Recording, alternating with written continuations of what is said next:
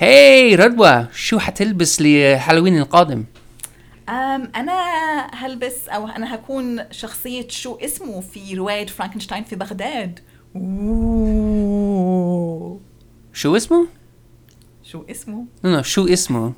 شو اسمه؟ شو اسم اسمه شو اسمه يا ماثيو؟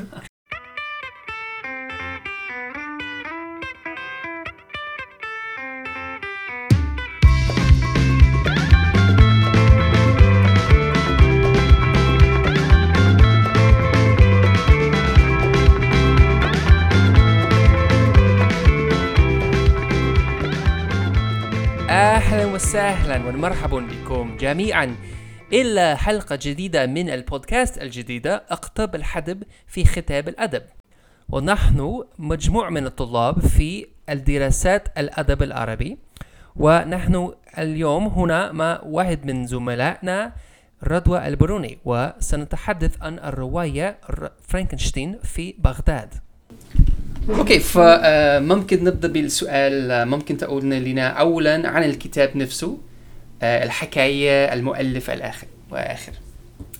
okay حاضر. أم فرواية فرانكنشتاين في بغداد هي كتبت في أو نشرت في عام 2013 وهي حصلت على جائزة أه، بوكر العربية في 2014 في الأول وضعت في القائمة القصيرة وبعدين حصلت على الجائزة وطبعا زي ما أنتم عارفين كل روايات البوكر العربية تترجم بعد ذلك. للغات الإنجليزية والفرنسية واللغات الأخرى لسه لم تصدر بعد يعني ما زالت. لم تصدر بعد بالإنجليزي؟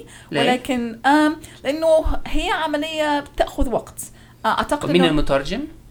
لا أعرف لا أعرف. هو فقط آه، نعرف سر. آه سر سر كبير. يعني من الملاحظ عبر السنوات. إنه بعض الروايات آه، تترجم بشكل أسرع من روايات أخرى. ولكن هي عملية تأخذ بعض الوقت. يعني ومين كانت بعض الكتب الأخرى آه، في نفس السنة للجائزة؟ بوكر اللي تنشر. أنا أنا أعرف مثلا Bamboo Stalks تنشر. ف نشرت. ف آه، ساق البامبو هي آه، ساق البامبو هي حصلت على الجائزة في العام الذي سبق هذا. ها ف okay. وترجمت الآن إلى مهم. الإنجليزية. فتأخر ال- التر... آم، تنشر تنشير هذا نعم، الكتاب بكثير. نعم okay. نعم, نعم فهي ساق البامبو ترجمت إلى الإنجليزية صدرت بالإنجليزية وأيضا بالفارسية. قرأت مؤخرا صدرت بالفارسية أيضا ها. ساق البامبو نعم. و... و... نعم وهي ترج... وهي حصلت على جائزة البوكر في العام آه... الذي يسبق هذا الكتاب. والكاتب هو أحمد السعداوي هو كاتب عراقي. هو كاتب وروائي عراقي وأيضا عمل كصحفي آه، لفترة وجيزة أو لب- لبعض الفترات. هو ولد في عام 1973 و آه، يعني مما يعني إنه هو نسبيا صغير السن. آه. يعني وكمان واضح إنه هو نظرا لعمره هو نشأ يعني منشأه كان في أثناء حرب الخليج الأولى حرب الخليج الثانية. يعني تحس تشعر إنه يعني عاش كثيرا كل المعارك وكل الحروب التي مرت بها العراق في في آخر 30 40 عام. آه وكمان أيضا هو يعني شاعر ونشر له من قبل آه آه أكثر من كتاب من ضمنها عيد الأغنيات السيئة وده نشر آه في عام 2001 أيضا آه نشر عدة روايات مثل البلد الجميل وإنه يحلم أو يلعب أو يموت. وحصل أيضا على عدة جوائز من قبل مثل آه جائزة الجائزة الأولى للرواية العربية في دبي في 2005 هم. آه، وأيضا حصل على آه، هاي فيستيفال في 2010 آه، آه، عن روايته إنه يحلم أو يل... إنه يحلم أو يلعب أو يموت هل آه، فاز أي جوائز آه، تحت الإدارة البعثية؟ أم لا أعتقد إنه لم يكن يكتب آم، يعني في هذا الوقت يعني هو أنا أول شيء نشر له كان في 2001 وهذا طبعا بعد. نعم آه، مثير. نعم يعني okay والحكاية؟ آه والحكايه امم okay هذا سؤال مثير. أم، okay فكما واضح من من عنوان الرواية فرانكنشتاين في بغداد نفهم انه هناك آه، نوع من المماثلة لرواية فرانكنشتاين لماري شيلي. آه، في إنه يأخذ الفكرة الأساسية وهو وجود كائن صنع م- صنع ويعني لم لم يولد أو لم يخلق من بشكل طبيعي. فالرواية تقع في تقع في بغداد قبل أه، مباشرة قبل ال- الحرب الأهلية أو ما يطلق عليها الحرب الأهلية. وازدياد العنف في عام 2006 في بغداد. آه والرواية نجد أنه طبعا في كثير من العنف وكثير من نجد أنه بغداد في حالة سيئة جدا كل الناس يحاربون بعض كثير من الطائفية كثير من التفجيرات اليومية آه وهناك الشخصية وهو هادي العتاك وهو شخصية آه العتاك هو شخص يقوم بجمع الأشياء القديمة ليبيعها مرة أخرى. وهو شخص يعني رث المنظر ثيابه بالية يسكر يسكر كثيرا وقد عانى من قبل من موت أو تفجير صديقه المفضل وكان شريكه أيضا في العمل. فبعد ذلك هو يشعر بكثير من الإحباط وكثير من اللامبالاة تجاه الحياة. فيريد أن يأخذ أو أن ينتقم آه، ينتقم من آه، من ما يحدث. فيقوم بجمع أشلاء آه، لضحايا العنف. ويقوم بجمعها ويقوم أيضا بقيادتها لخلق هذا الكائن. وحتى ممكن تصف لنا بعض المشابهات والمختلفات بين آه، الرواية الأصلية وفرانكشتاين في بغداد. آه آه طبعا ممكن. أم طبعا يعني لابد أن نف... يعني لابد أن نفكر أن هناك تقريبا آه، قرنين يفصلا بين آه، فرانكنشتاين في بغداد وفرانكنشتاين ماري شيلي وطبعا السياق آه، يختلف كثيرا هذا في بغداد في الألفينيات بينما فرانكنشتاين كان في القرن التاسع عشر في أوروبا في, في ألمانيا. وسويسرا وأجزاء أخرى من أوروبا ولكن رغم هذا الاختلاف أو آه، اختلاف السياق التشابهات أعتقد في في لبها أو في لب الروايتين في, في لب الروايتين هناك آه، تشابه كبير في الأفكار الأساسية يعني أجد أنه مثلا فكرة أنه ما هو مسؤولية الفرد آه، هل المس... هل مسؤوليتك تجاه نفسك أو تجاه الآخرين أهم؟ هذه السؤال آه، آه، مهم. في روايتها أو آم، الدكتور فرانكنشتاين يسأله هل ما هو الأهم أن يقوم ب الإبقاء حيا على هذا المخلوق آه، ويقوم بصنع رفيق له أو رفيقة له أم يقتله من أجل آه، إنقاذ الإنسانية من, من هذا المخلوق؟ نجد أيضا في الرواية هذا السؤال موجود في الرواية العربية أو العراقية أنه فكرة آم، هل مسؤوليتي تجاه آه، المجتمع أكبر. أن أقوم بقتل الأفراد والاقتصاص من من من المجرمين أم أن أبقي نفسي أنا حيا ك شو اسمه؟ هل هذا أهم؟ ونجد هذا السؤال يتردد كثيرا حتى وسط مع مع أشخاص آخرين في الرواية. هناك صحفي في هناك صحفي يعمل هل هو لابد أن يقوم ب أخذ الفرص حتى يكون صحفي مشهور أم لابد أن يفكر أكثر في المجتمع والقضايا التي تهم مجتمعه. فنجد هذا السؤال يتردد كثيرا بشكل غير مباشر في الرواية. أيضا نجد إحدى التشابهات الأخرى. أعتقد هي فكرة يعني ما هو ما هي الأخل... يعني بشكل مبسط ما هي يعني ما هي الأخلاق؟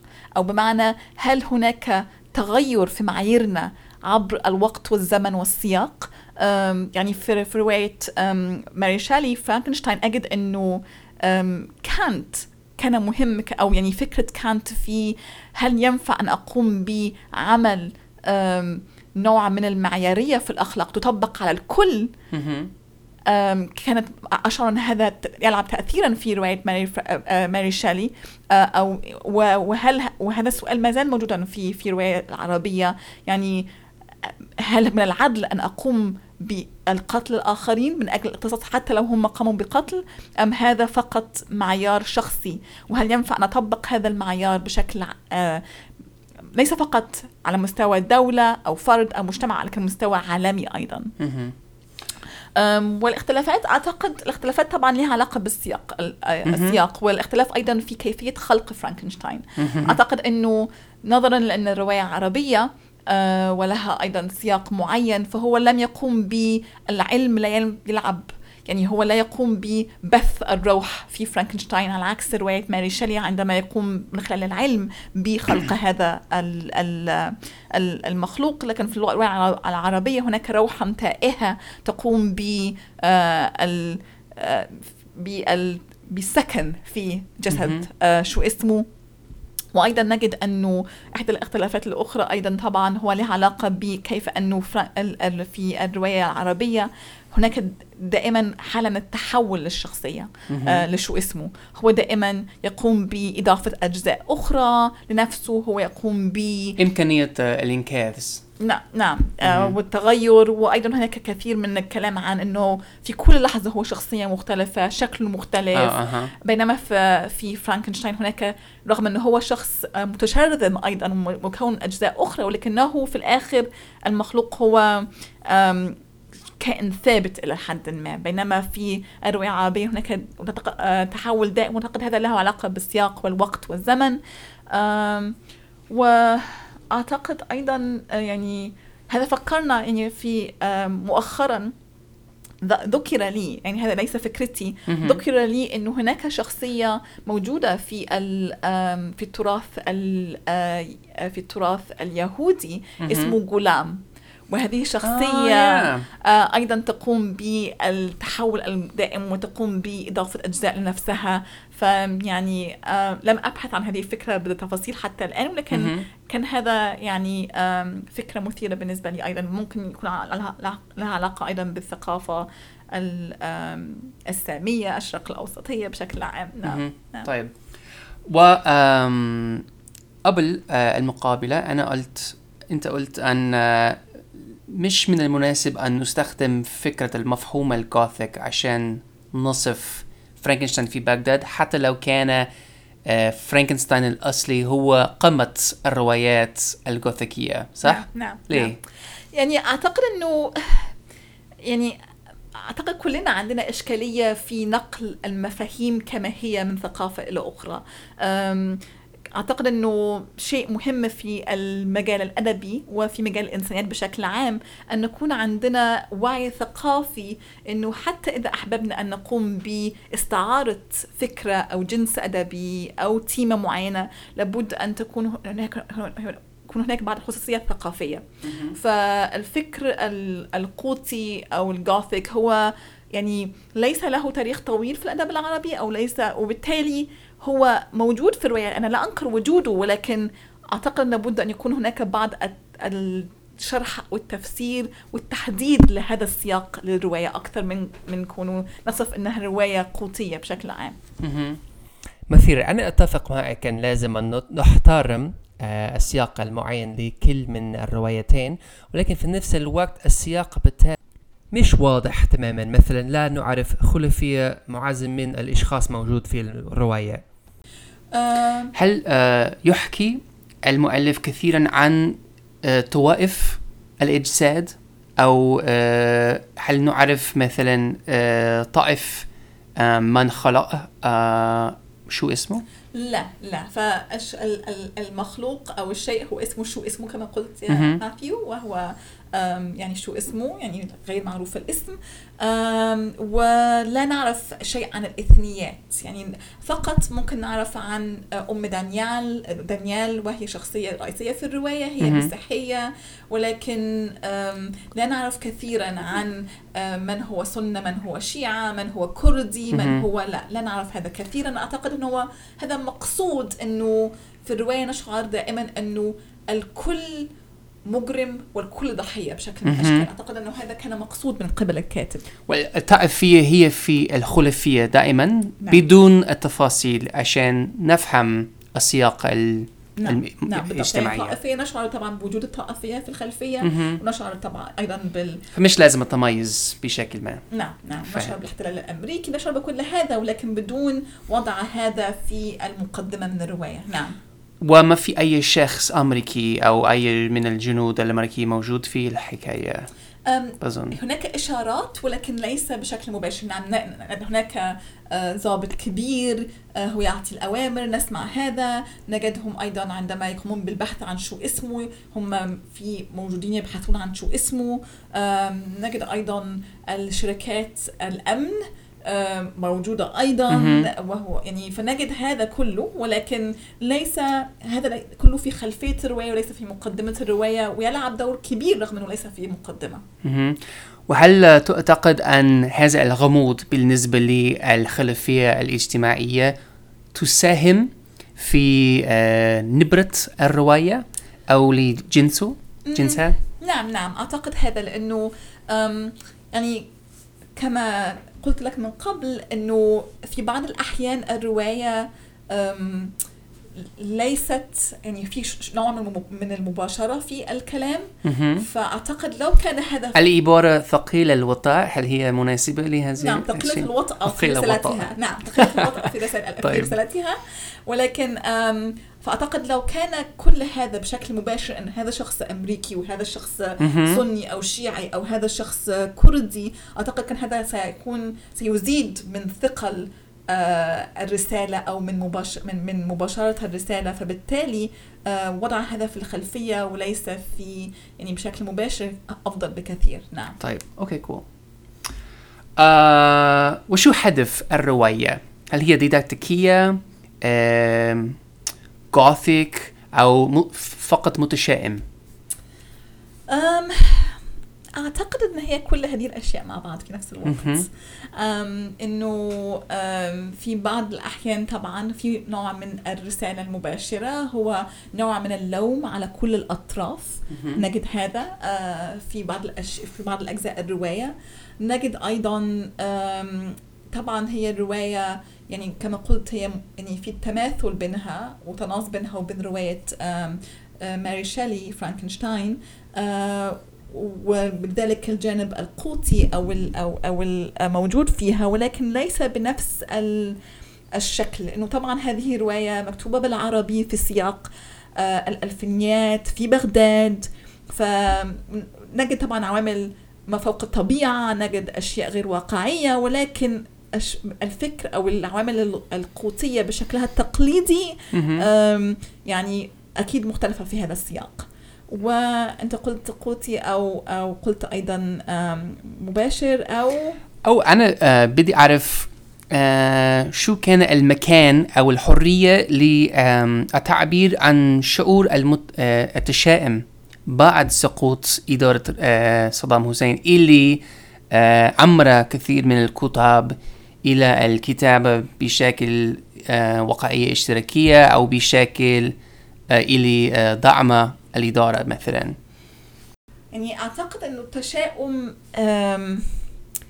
ليس نابع من يعني ليس هناك إشارة بشكل مباشر إلى إلى آه، إلى نوع من الحنين لوقت صدام أو إلى حتى تأثر مباشر بهذا بهذا الوقت في أنا أنا بقول ال- العكس آه. أن في الماضي ما كان الحرية للتعبير نعم. عن التشاؤم. نعم نعم. وأخيرا نقدر أن نكون واقعي. نعم نعم. فهو نعم طبعا في تشاؤم كثير في الرواية. آه وكبير. وأعتقد إنه التشاؤم هو تشاؤم ها تشاؤم وجودي كمان ليس. فقط تشاؤم لحظي وطبعا تشاؤم لحظي له علاقة بال بالوقت وبال وبال بالأحداث ولكنه أيضا في بعض الأجزاء في الرواية نجدها يتكلم عن تاريخ العراق بشكل عام. ونشعر فيها إنه هناك إحساس بفشل المشروع العراقي أو مهم. دولة العراق كدولة وهويه الهوية العراقية. فبالتالي هناك تشاؤم وجودي له علاقة بالانطولوجيا الإنسان العراقي أو الك- أو أو, أو نعم أو أو المواطن العراقي. نعم. فالاستعارة المركزية في الرواية هي شو اسمه؟ نعم. وبحثه عن أشياء جديدة. وهو يماثل دورة العنف والإقتصاص في العراق خلال حربها آه، الأهلية كما قالت آه، من قبل هذه الاستعارة ثقيلة الوطاء. آه، يعني الرمزية هنا مش رقيق خالص. ولكن في نفس الوقت واضح إنه حكاية ناجحة. فكيف تحمل الحكاية ثقل هذه الاستعارة؟ آه، أوكي. أم فأنا أعتقد أنه الرواية أو هذه الاستعارة المركزية أو الاستعارة الرئيسية آه، أو الفكرة التيمة الرئيسية هي فكرة ناجحة جدا. أم لأنه لا فقط يعني لا تتحدث فقط عن عن فشل ال- ال- المشروع العراقي أو أو أو حتى الحرب الأهلية والمشاكل الإثنية والحرب هي تحمل أشياء أسئلة أكبر عن الهوية العراقية. هم. تحمل أسئلة أكبر عن ما هو العدل. وما هو الاقتصاص. وهل يمكن أن نفصل العدل عن الاقتصاص أم لا؟ لأنه أعتقد أنه هذا له هذا هذا سؤال مهم آه، أنه في كثير من الأحيان العدل يعني الانتقام والاقتصاص. فهل يمكن أن نفصل الاثنين عن بعض؟ نجد آم، كم لم أنا لم أكمل آم، حكي القصة في البداية ولكن آه، شو اسمه مكون من هذه الأجزاء آه، وعليه أن يقتص لكل ضحية آه، يحمل جزء من جسدها. أو من جسده ومع الوقت نجد إنه وأيضا من الأشياء المثيرة إنه هناك نوع من ال- تحديد الوقت لهذا إذا فشل في هذا إذا اقتص للشخص أو لم يقتص خلال فترة زمنية محددة هذا جزء من جسده يسقط. ونجد مع الوقت إنه يز... عليه أن يقوم بتعويض هذه الأجزاء ومع الوقت أيضا فكرة إنه في الأول كان يصر على أخذ فقط أجزاء من ضحايا يعني آه، سبق قتلها. لكن مع الوقت هو. هو يقتل من أجل أخذ اجزاء لإبقاء نفسه حيا.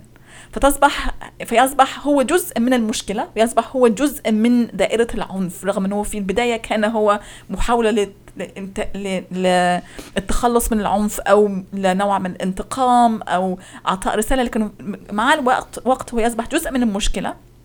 وبالتالي أسئلة عن العدل وكما قلت وعن الاقتصاص وعن آه، هل هناك شخص سيء أو لأ تصبح تصبح الأسئلة أو يصبح آه، تصبح القيم رمادية إلى حد كبير مع الوقت. وهو هناك كثير من الحوارات آه، تدور في الرواية عن عن تفكيره في هذا وما هو يعني هل هذا الشخص مذنب أم لا هم هذا ومن من عنده الحق في آه، أيضا إطلاق الحكم إذا كان شخص مذنب أم لا. مثير جدا عشان شخصية فرانكنشتين آه، معروف في كل إنحاء العالم. وهو رمز تقليدي جدا. كل كل الناس يعرف فرانكنشتاين ولكن يستخدم أحمد سعداوي شخصية فرانكنشتاين والرمزية فرانكنشتاين بشكل بديع تماما. هي مثير جدا. طيب. آه ويستخدم المؤلف صورة صور بغيضة آه ومثير للإش الإشمئزاز آه والرحيبة. آه وممكن آه تقرأ آه مقتطف من الرواية اللي تماثل هذا نوع من ال- الصور موجود في الرواية. أو تريد آه، مقطع عن آه، وصف ممكن آه المخلوق. اوه أوكي. أو عملية إلقاء آه إشلاء ال- ال- الأجساد. في آه، الفصل الرابع من الرواية والمقطع آه، يشرح اللحظة التي يقوم فيها هادي العتاك بإكمال آه، أجزاء المفقودة أو بإكمال شو اسمه. دخل إلى سقيفة خشبية صنعها من بقايا الأثاث والقضبان الحديدية والكناتير المخلعة المسندة بنصف حائط قائم لوحده. قرفص هادي عند طرف منها. كانت المساحة متبقية مشغولة بشكل كامل بجثة عظيمة. جثة رجل عار تنز من بعض أجزاء جسده المجرح سوائل لزج- لزجة فاتحة اللون. ولم يكن هناك إلا القليل من الدماء. بقع صغيرة من دم يابس على الذراعين والساقين. وكدمات وسحجات زرقاء اللون حول الكتفين والرقبة. لم يكن لون الجثة واضحا. لم يكن لها لون متجانس على أي حال تقدم هادي أكثر داخل الحيز الضيق حول الجثة وجلس قريب من الرأس. كان موضع الأنف مشوها بالكامل وكأنه تعرض لقضمة من حيوان متوحش. كان الأنف مفقودا. فتح هادي الكيس الجنفاصي المطوي عدة طيات ثم أخرج ذلك الشيء الذي بحث عنه طويلا خلال الأيام الماضية وظل مع ذلك خائفا من مواجهته. أخرج هادي, هادي أنفا طازجا ما زال الدم القاني المتجلد عالقا به. ثم بيد مرتجفة وضعه في الثغرة في الثغرة السوداء داخل وجه الجثة. فبدأ وكأنه في مكانه تماما. كأنه أنف هذه الجثة وقد عاد إليها. سحب يده ومسح سحب يده ومسح أصابعه بملابسه وهو ينظر إلى اكتمال الوجه بشيء من عدم الرضا. ولكن المهمة انتهت الآن. آه لم تنتهي تماما. عليه أن يخيط الأنف حتى آه، يثبت في مكانه ولا يقع. لم يكن ينقص الجثة كي تغدو كاملة سوى الأنف.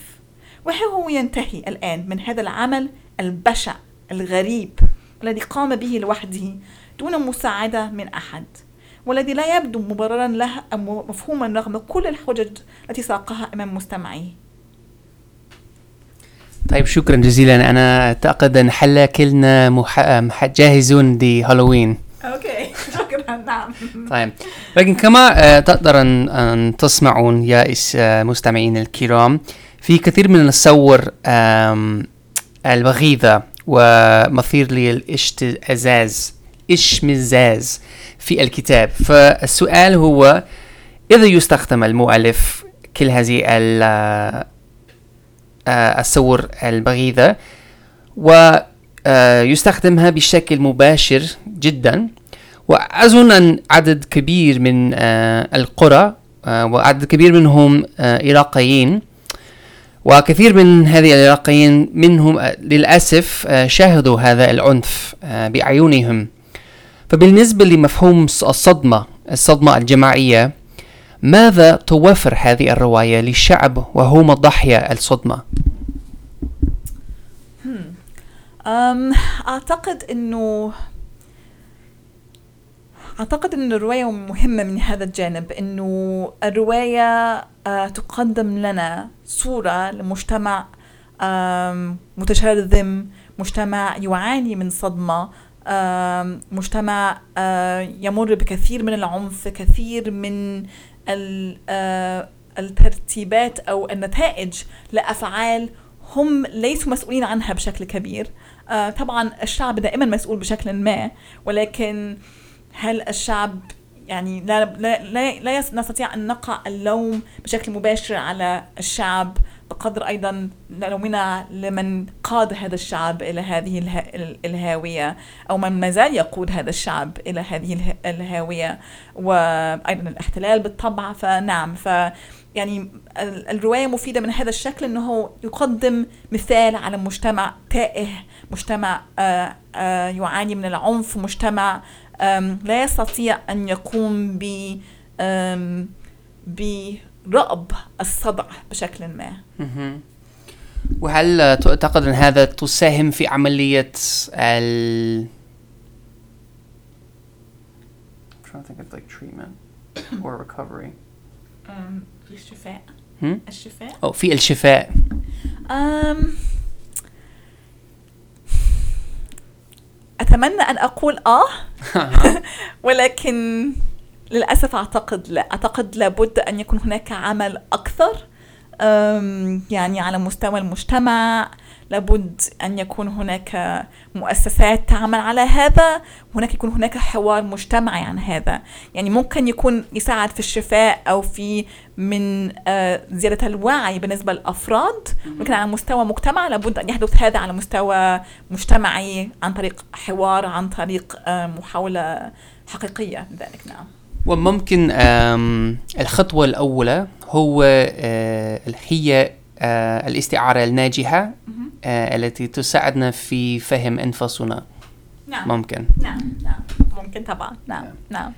أوكي. أم و على فكرة القرى والجمهور هذه الرواية أنا دائما أقول آه، عن هذه الرواية أو أي رواية أخرى كتبها مؤلف عراقي يجب أن نطلب آه، انضم انضامها آم، آه؟ انضمامها إلى القائمات الضروري القراءة في مدارسة الأمريكية كوسيلة للتواصل إلى تفاهم مع مغامرتنا المعيبة في العراق هل تعتقد بغض النظر عن أنه من غير المرجح أنه سيحدث أبدا أن تستطيع هذه الرواية أن تحمل هذه المسؤولية؟ أعتقد نعم نعم أعتقد أنها ممكن أن تحمل هذه المسؤولية وكما قلت من قبل رغم أن الرواية لا تلقي باللوم على أه، جهة معينة فأعتقد أنه هذا يجعلها آه، مناسبة أكثر لذلك أن تحمل هذه المسؤولية إذا كانت فقط رواية مباشرة 100% تقوم بتحميل المسؤولية لكل ما يحدث في العراق آه، للمغامرة الأمريكية أو الاحتلال الأمريكي. آه، أعتقد أن هذا سيكون يعني سيجعلها من غير المناسب لتحمل هذه المسؤولية كونها أن آه، أن هناك كثير من من المحاولة أكثر ل ل ل آه، لتبيين وبيان أنه اللوم على الكل يجعلها يعني مفيدة من أجل هذا. نعم. وأنا أعتقد أيضا إذا يقرأ أمريكي أي شيء من الشرق الأوسط فهذا كمان آه، خطوة أولى. نعم نعم نعم. أعتقد إنه يعني ليس فقط الأمريكان ولكن أعتقد إنه أنا مؤمنة جدا ب ب بالأدب ك كوسيلة ل توسيع أو لازدياد الوعي عند كل الأفراد وكل الشعوب أعتقد إنه إذا كان على كل الأفراد في كل العالم قراءة أدب أكثر ثقافات مختلفة هذا. سيكون مفيد جدا إن شاء الله طيب. آه وعلى فكرة هل آه عندك أي آه، توصية أخرى لقراءنا؟ أم لا في اللحظة الحالية إلا يعني إلا إذا كان قراءنا عندهم وقت لقراءة هذه الرواية فأنصح بها. نعم. طيب. وهي ليست وهي ليست بصعبة. آه. يعني ليست الرواية ليست ليس هناك صعوبة في قراءة الرواية. ويعني أعتقد سيكون مثيرة الرواية ستكون مثيرة وممتعة لقراءنا إن شاء الله. وعلى الأقل حتى انتشار الكتاب بالإنجليزية نعم نعم. طيب شكرا جزيلا. عفوا عفوا يا معلم. وشكرا كمان إلى مستمعينا الكرام ونتمنى أن نشوفكم مرة أخرى في حلقة جديدة من البودكاست أقطاب الحدب في ختاب الأدب. شكرا.